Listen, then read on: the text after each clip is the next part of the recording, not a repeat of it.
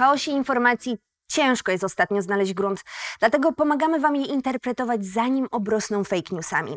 Jestem dr Monika Koperska, prezes Stowarzyszenia Rzecznicy Nauki i zapraszam Ciebie na kolejny odcinek serii Posłuchaj Naukowca.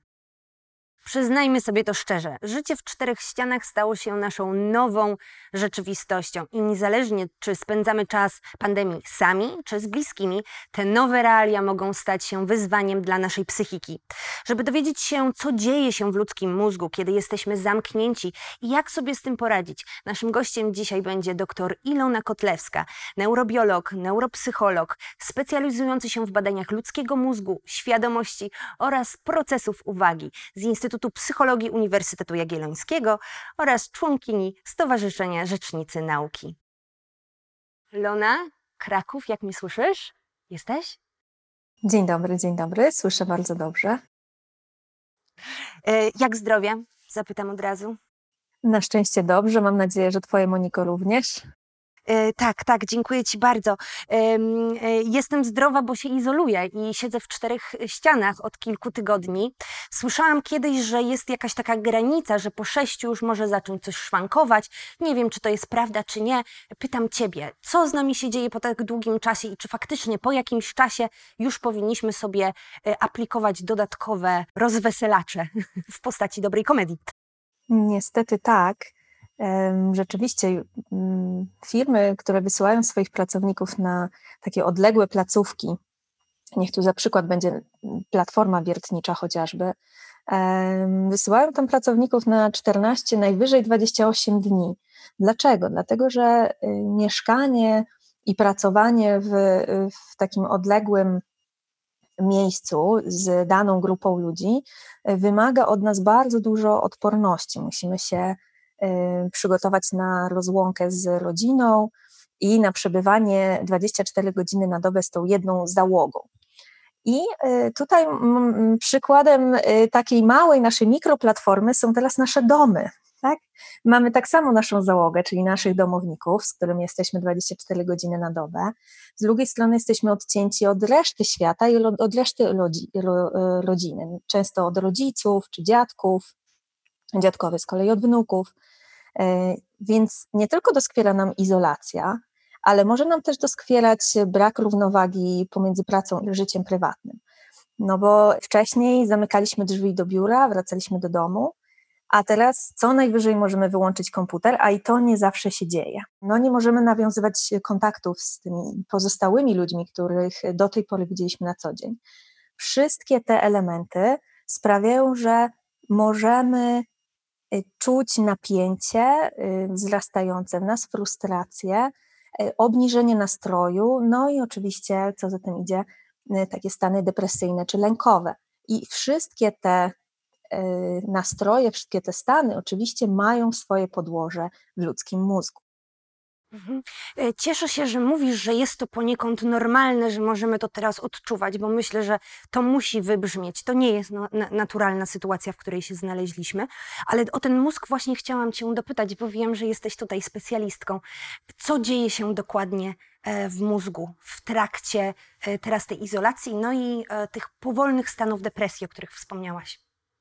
Tak, porozmawiamy może o depresji, która jest najlepiej zbadanym zbadaną chorobą. E, no i nie bójmy się tego słowa, jest to choroba. E, osoby, które przewlekle cierpią na depresję, w badaniach e, wykazują znacznie zmniejszoną liczbę neuronów w takich trzech ważnych dla emocjonalności człowieka regionach. Jest to przyśrodkowa kora przedczołowa, ciało migdałowate, a także hipokamp. Co ważne, hipokamp u tych osób jest w ogóle mniejszych rozmiarów. Także wydaje się, że cała ta ludzka emocjonalność cierpi u osób, które przewlekle y, chorują na depresję. Y, no i niestety okazuje się, że depresja może mieć też y, genetyczne uwarunkowania. Mhm. E, przesłałaś mi pewne grafiki, na których właśnie widać, jak w rezonansie magnetycznym zachowuje się e, taki mózg zdrowej osoby cierpiącej na depresję. Mogłabyś mi po powiedzieć, co my tutaj widzimy? Tak, tutaj widzimy te regiony, w których widać utratę neuronów, e, dokładniej przyśrodkową korę przedczołową z przodu mózgu. Tu, na czerwono widać procent jakby utraty czy zmniejszonej liczby neuronów w tych e, regionach. Mhm. E, I mamy zaznaczone ciało migdałowate i przyśrodkową korę przedczołową. Mhm. Ale wspomniałaś właśnie o ge genetycznych uwarunkowaniach i tu kolejny slajd, który przesłałaś i, i prośba o wyjaśnienie dalej. Tak, niestety rzeczywiście tak jest, że y, niektórzy z nas no, genetycznie są bardziej podatni na depresję. Jednym y, takim głównym nurtem ostatnich badań mm, genetycznych na temat depresji jest serotonina, a właściwie dokładnie transporter serotoniny. Zaraz wytłumaczę o co chodzi. Serotonina, czyli generalnie hormon, który y, raczej ze szczęściem sobie kojarzymy.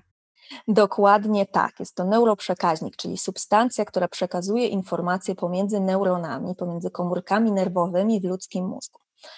I okazuje się, że część z nas ma taki, taką wersję genu, troszeczkę krótszą, która koduje transporter serotoniny, czyli taki receptor, który ma za zadanie wyczyścić przestrzeń pomiędzy neuronami Czyli serotonina jest wypuszczana do przestrzeni pomiędzy neuronami, żeby przekazać sygnał. No i za co odpowiada y, transporter serotoniny? Za tak zwany wychwyt zwrotny, czyli on z powrotem tą serotoninę chce do komórki wciągnąć. Taki recykling. Tak, dokładnie, tak, dokładnie. To jest taki biologiczny recykling. No i co się dzieje u tych osób, które mają krótszą wersję genu kodującego właśnie ten transporter serotoniny? U tych osób niestety e, ten wychwyt zwrotny, czyli to czyszczenie przestrzeni synaptycznej, działa dużo szybciej, za szybko. To znaczy, że te osoby cierpią na przewlekły brak serotoniny. A rozumiem, czyli wyczysz, ona jest po prostu wymiatana, wy, wychwytywana z powrotem, a ten brak serotoniny w mózgu powoduje obniżenie nastroju, a w efekcie stany depresyjne, nawet stany lękowe. Czyli no nie mamy co mieć do, siebie pretensji, że, że, czujemy się gorzej w tym momencie, e, jeżeli mówisz, że e, uwarunkowania są genetyczne. Leki antydepresyjne działają w tej sytuacji, sięgać po nie? Jak najbardziej. Jeżeli mamy do czynienia właśnie z takim mechanizmem serotoninowym, tak to nazywamy, bo oczywiście mechanizmów depresji może być więcej i pewnie wielu z nich jeszcze nawet nie odkryliśmy. Natomiast jeżeli e, bierzemy pod uwagę właśnie problemy z transportem serotoniny, to jak działają leki? W tym przypadku one blokują ten tak zwany wychwyt zwrotny, czyli jak powiedziałaś, to czyszczenie przestrzeni pomiędzy neuronami. Dzięki temu serotonina dłużej może działać, dłużej y, jest y, aktywna w tej przestrzeni i przekazuje sygnał. Dzięki temu jej nie brakuje. Czyli niejako to nie jest sztuczne dodawanie sobie serotoniny. To jest moja serotonina, tylko że ja jej po prostu dłużej używam. Tak, dokładnie. Dzięki takiemu lekowi. Tak, dokładnie tak. Mhm. Y, nadmieńmy jednak, że w tej obecnej sytuacji oczywiście nie od razu y, będziemy zapadać na depresję. Mhm. Na razie, na, na początku, po tych kilku tygodniach, też zwróćmy uwagę, że wszyscy cierpimy na bardzo podobne symptomy, tak? Wszyscy jesteśmy przytłoczeni, wszyscy obawiamy się o naszą przyszłość, e, boimy się tego, czy my zachorujemy, czy zachoruje nasza rodzina, czy zachorują nasze dzieci, kiedy pójdą do szkoły, boimy się o starszych rodziców, tak? Dlatego te nerwy, lęk, stres, one towarzyszą nam wszystkim. Mhm. Teraz, kiedy należy zacząć się obawiać o swoje zdrowie, bo to jest najważniejsze, kiedy ten stan rzeczywiście jest e, patologiczny. Po pierwsze, y, takie symptomy właśnie znerwicowania, nawet ataków paniki, to znaczy, że boimy się y, wyjść do sklepu, żeby nie spotkać tam innych ludzi, żeby się nie zarazić. Boimy się wyjść do sklepu, bo boimy się, że tam w sklepie jeszcze dostaniemy takiego samego ataku paniki i nie będziemy w stanie w ogóle funkcjonować w tej przestrzeni publicznej. Zaburzenia snu są pierwszym takim najbardziej wrażliwym e, objawem problemów lękowo-depresyjnych. Tylko pamiętajmy, że te zaburzenia muszą trwać dłużej. One muszą trwać co najmniej 4 tygodnie. Naj, najbardziej diagnostyczne jest, jak one już trwają dwa miesiące. Wtedy rzeczywiście jest to czas, kiedy musimy się zastanowić nad swoim stanem zdrowia. Mhm. Teraz już rozumiem, czemu tak e, dużo mówi się o tym, żeby e, jeść e, te pięć posiłków dziennie i dobrze się wysypiać, dbając o siebie. I to jest taka, potwierdzasz, to taka pierwsza higiena, powiedzmy, umysłu, prawda? To dbać o ten wypoczynek mózgu, czyli o sen.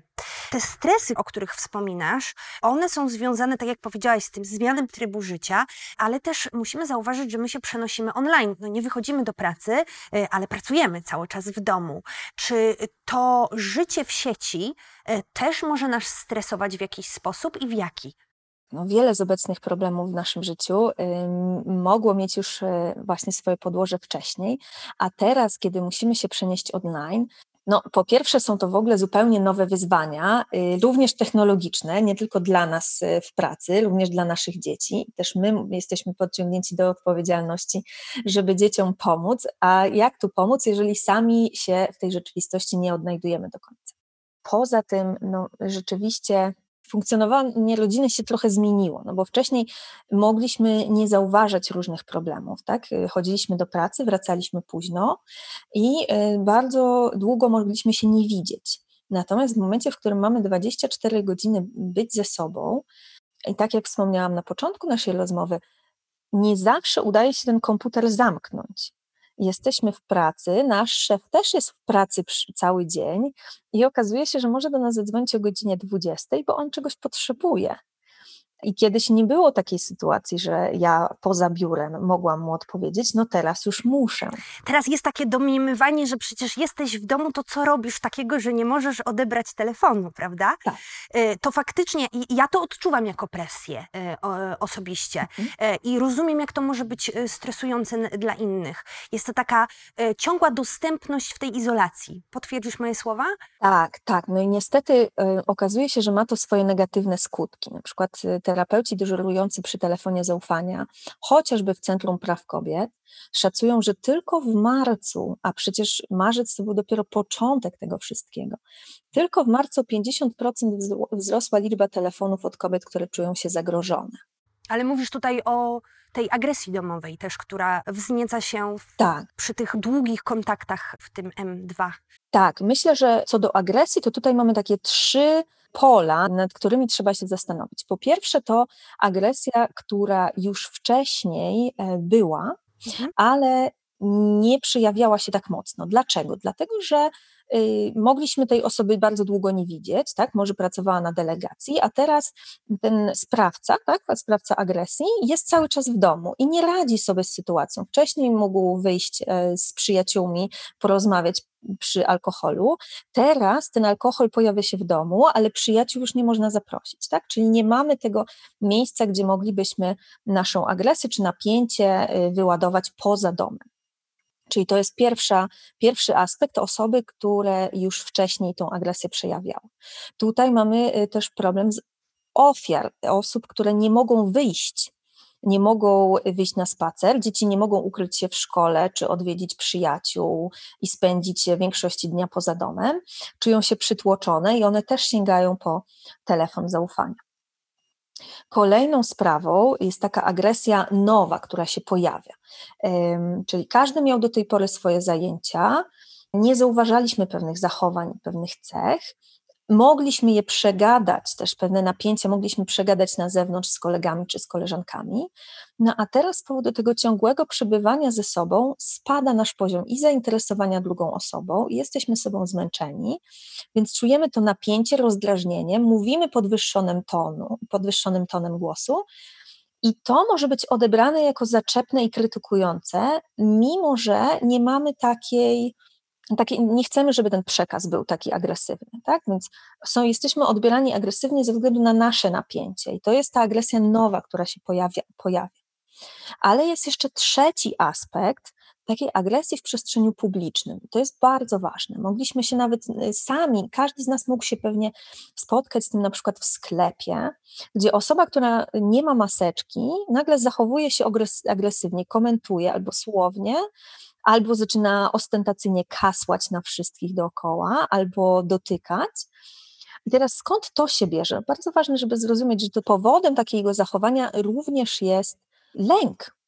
Bardzo głęboko zakorzeniony lęk. Ta osoba i stres. Ta osoba wychodzi, ona sama nie ma maseczki, ale widzi, że wszyscy inni mają i czuje się zestresowana, wyobcowana, zagrożona. Mhm. I w związku z tym jej reakcją, no niestety nie, nieadekwatną, ale jej reakcją jest działanie destrukcyjne na zewnątrz, czyli krytykowanie i wyśmiewanie innych. Więc to są takie trzy różne filary agresji, która może się pojawić. Po pierwsze, agresja domowa, która już wcześniej e, nam towarzyszyła. Po drugie, agresja, która się pojawia e, trochę mimowolnie ze względu na napięcie, które w ogóle nam towarzyszy i jest to naturalne, że jesteśmy wszyscy zestresowani, bo jest to dla każdego nowa sytuacja. No i po trzecie, ta agresja związana z lękiem społecznym, tak? Ja nie jestem przygotowany, inni są przygotowani, albo ja nie chcę się zarazić od innych, więc niech inni będą z daleka ode mnie, tak? Takie bronienie e, swo, swojej, swojego terenu, powiedzmy, swojej e, przestrzeni. Mhm. E, Myśl, to znaczy, jak mówisz, e, to, to opisujesz teraz, rezonuje to ze mną bardzo, bo ja jak wychodzę na zewnątrz, zauważam, że chociaż jestem zabezpieczona i, i wmawiam sobie, że wszystko jest ok, ale widzę, że moje ciało się bardziej poci E, i, i, i, i, widzę, że ono jednak odczuwa ten stres cały czas, pomimo tego, że moja psychika próbuje mu ten stres zmniejszyć. Jak możemy sobie z tym wszystkim, Elona, radzić? Czy są jakieś metody? Tak, to jest bardzo ważne, żebyśmy sięgali po sprawdzone źródła informacji. Jeżeli budzimy się rano, no nie sięgajmy po wszystkie krzyczące do nas nagłówki, bo to w niczym nam zupełnie nie pomoże, a już szczególnie osoby, które wcześniej cierpiały na jakiekolwiek zaburzenia lękowe, teraz to jeszcze będzie się wzmagało. Dlatego przede wszystkim korzystajmy ze sprawdzonych źródeł informacji, na, takich na przykład jak nasz y, program. Dla wielu z nas odizolowanie psychiczne jest ogromnym wyzwaniem, więc szukajmy tej pomocy nawet online. Szukajmy e, kontaktu z naszymi przyjaciółmi, znajomymi. Mhm. E, Spróbujmy się przenieść, tak? Skoro nie możemy się z koleżankami spotkać w kawiarni, to trudno, to spotkajmy się z nimi e, na ekranie komputera kana- na kanapie w naszym salonie, tak? To też bardzo pomaga. To pomaga nam tworzyć tak zwaną poduszkę społeczną, tak? taką poduszkę miękką, na którą możemy upaść, przynajmniej psychicznie, że jest ktoś, kto po pierwsze czuje się podobnie jak my, a po drugie y, też nas w tej sytuacji wspiera. No i są różne też źródła, z których możemy korzystać. Mhm. Jedno z takich źródeł to na przykład bardzo ciekawa akcja Uniwersytetu Jagiellońskiego, prowadzona przez zespół profesor Małgorzaty Opoczyńskiej-Morasiewicz. Ta akcja nazywa się Listy do kwarantanny. Bardzo Państwa zachęcam do sięgnięcia do tychże listów. Właśnie, jeżeli nie chcą Państwo sami napisać listu do kwarantanny, pisząc, jak ja się czuję w obliczu kwarantanny, tak? piszemy bezpośrednio do niej osobowo, czyli droga kwarantanno, sprawiłaś, że czuję się napięta, sprawiłaś, że nie mogę spać. To po pierwsze pomaga nam uwolnić emocje, a po drugie i przede wszystkim zajrzyjmy tam też po to, żeby zobaczyć, że inni czują się tak samo jak my. Tutaj wybrałyśmy kilka cytatów. Myślę, że to y, warto mm, pokazać, że nie tylko my się czujemy osamotnieni, tak?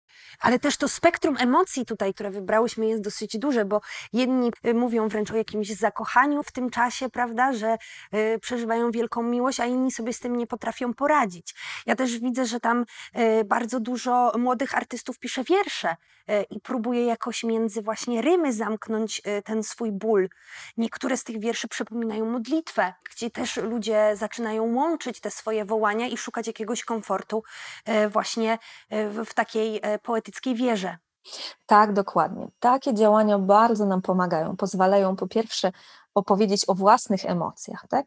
Y, Ja się zakochałam w człowieku z dalekiego kraju, którego nie będę mogła zobaczyć, nie wiedzieć jak długo jeszcze. Tak? Czyli to mówi nam o naszej tęsknocie.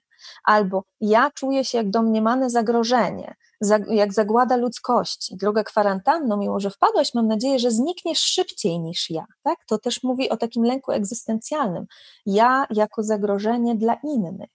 I że jest to zagrożenie, które bezpośrednio mi zagraża. Mhm. Ale to nie jest jedyny sposób e, e, online, gdzie możemy szukać pomocy. Tak, ym, bardzo polecam akcje psychologowe dla społeczeństwa. E, na stronie psychologowej dla społeczeństwa.pl można odnaleźć bazę kontaktów do psychologów i psychoterapeutów, którzy oferują swoją pomoc w czasie kwarantanny. Okazało się, że y, Narodowy Fundusz Zdrowia również uruchomił taką y, infolinię y, pomocową, gdzie również 20 psychoterapeutów czeka na taki kontakt. Można dzwoniąc na tą infolinię poprosić o przyłączenie do psychoterapeuty. E, na stronie, o której wspomniałam, Psychologowie dla Społeczeństwa, to jest prywatna inicjatywa, niezwiązana z NFZ, ale y, oferują swoje usługi właśnie psychoterapeuci, którzy oczekują na kontakt związany właśnie z problemami e, z kwarantanną. Jest jeszcze y, wiele stron z materiałami e, pomocnymi, artykułami dotyczącymi tego, co z nami się dzieje, co może się z nami dziać i w jaki sposób sobie z tym poradzić. Jedną z takich stron oferuje Uniwersytet SWPS. To jest podstrona tak zwanej strefy psyche, dedykowana koronawirusowi. Tam możemy znaleźć bardzo dużo elementów, artykułów, które pomogą nam nie tylko rozumieć nasze własne emocje, ale też zrozumieć, jak sobie z tymi emocjami poradzić. Mhm. E, my wszystkie linki do rzeczy, które wymieniłaś, e, umieścimy w opisie, tak żeby oglądający nas mogli e, do nich zasięgnąć. Na koniec e, tak sobie pomyślałam, że chcecie zapytać chyba o takie najprostsze pytanie, które mi przyszło do głowy teraz, jak rozmawiamy. Czy Lona, ja jak witam się z ludźmi, powinnam pytać, jak się czują, czy to jest prowokacja? W sensie, wiesz o co mi chodzi, nie? E, bo ja sama nie wiem do końca, jak odpowiadać na to pytanie. Co naprawdę mówić, jak się czuję, prawda? Czy, czy na, e, nałożyć tę fasadę i powiedzieć, że wszystko jest ok? Czy powinniśmy się pytać, jak się czujemy? Czy, mówię, czy to jest prowokacja dla drugiej osoby? Ja myślę, że to jest bardzo dobre pytanie i ono towarzyszy nam nawet nie tylko w czasie pandemii. Ono teraz ma y, taki podwójny wydźwięk, bo po pierwsze może być oznaką troski, jak się czujesz fizycznie, tak? czy jesteś nadal po prostu zdrowa, i to jak najbardziej uważam, że wręcz powinniśmy o to pytać, bo jeżeli jesteś chora, no to ja mogę ci pomóc, mogę zrobić dla ciebie zakupy. Jeżeli jesteś objęta kwarantanną, mogę ci dostarczyć ważne rzeczy do domu, prawda? Więc to jest nawet niezbędne, żeby zapytać, jak się czujemy. Uważam, że nie, że w tych czasach takich trudnej izolacji nie będzie to źle widziane. A czy odpowiadać prawdę, tak jak e, zapytałaś? No właśnie, e, nie do, nie do każdego chcemy odpowiedzieć, że tak naprawdę czuję się źle e, ze względu na izolację i ze względu na to, że jestem sama, nie mam z kim porozmawiać, prawda? Myślę, że y, dobieramy sobie te osoby intuicyjnie bardzo dobrze, którym naprawdę chcemy powiedzieć, jak się czujemy, a którym nie. I ja jednak jestem zdania, że tą troskę warto okazywać zawsze. Warto zawsze zapytać, jak się czujesz, E, jeśli mamy wątpliwości, nawet dopytać i nie będzie to agresywne w żaden sposób. A jeżeli zobaczymy, że ta osoba się czuje przez nas właśnie w jakiś sposób y, może zaatakowana i nie chce mówić dokładnie o swoich odczuciach, no to wtedy wiemy, że jest to dla nas sygnał, żeby przestać pytać. Czyli po prostu tą, e, ten barometr wrażliwości musimy wyciągnąć na wierzch e, przy pierwszych kontaktach z ludźmi teraz wyjątkowo. Teraz jeszcze bardziej niż, niż zwykle. Dobrze, Lona, dziękuję Ci bardzo. To bardzo jasne wskazówki, jak możemy sobie na co dzień pomóc i faktycznie w momencie, kiedy już tej pomocy wymagamy. Bardzo Ci dziękuję za rozmowę. Dziękuję bardzo. Smutek z powodu samotności może nie być niczym groźnym, ale dla higieny umysłu warto zadbać o swoje dobre samopoczucie. E, jak widać, jest wielu specjalistów, którzy z chęcią z Tobą porozmawiają, jeśli tego potrzebujesz. E, dziękuję za dzisiaj, do zobaczenia i oczywiście zapraszam na kolejny odcinek w kolejny piątek.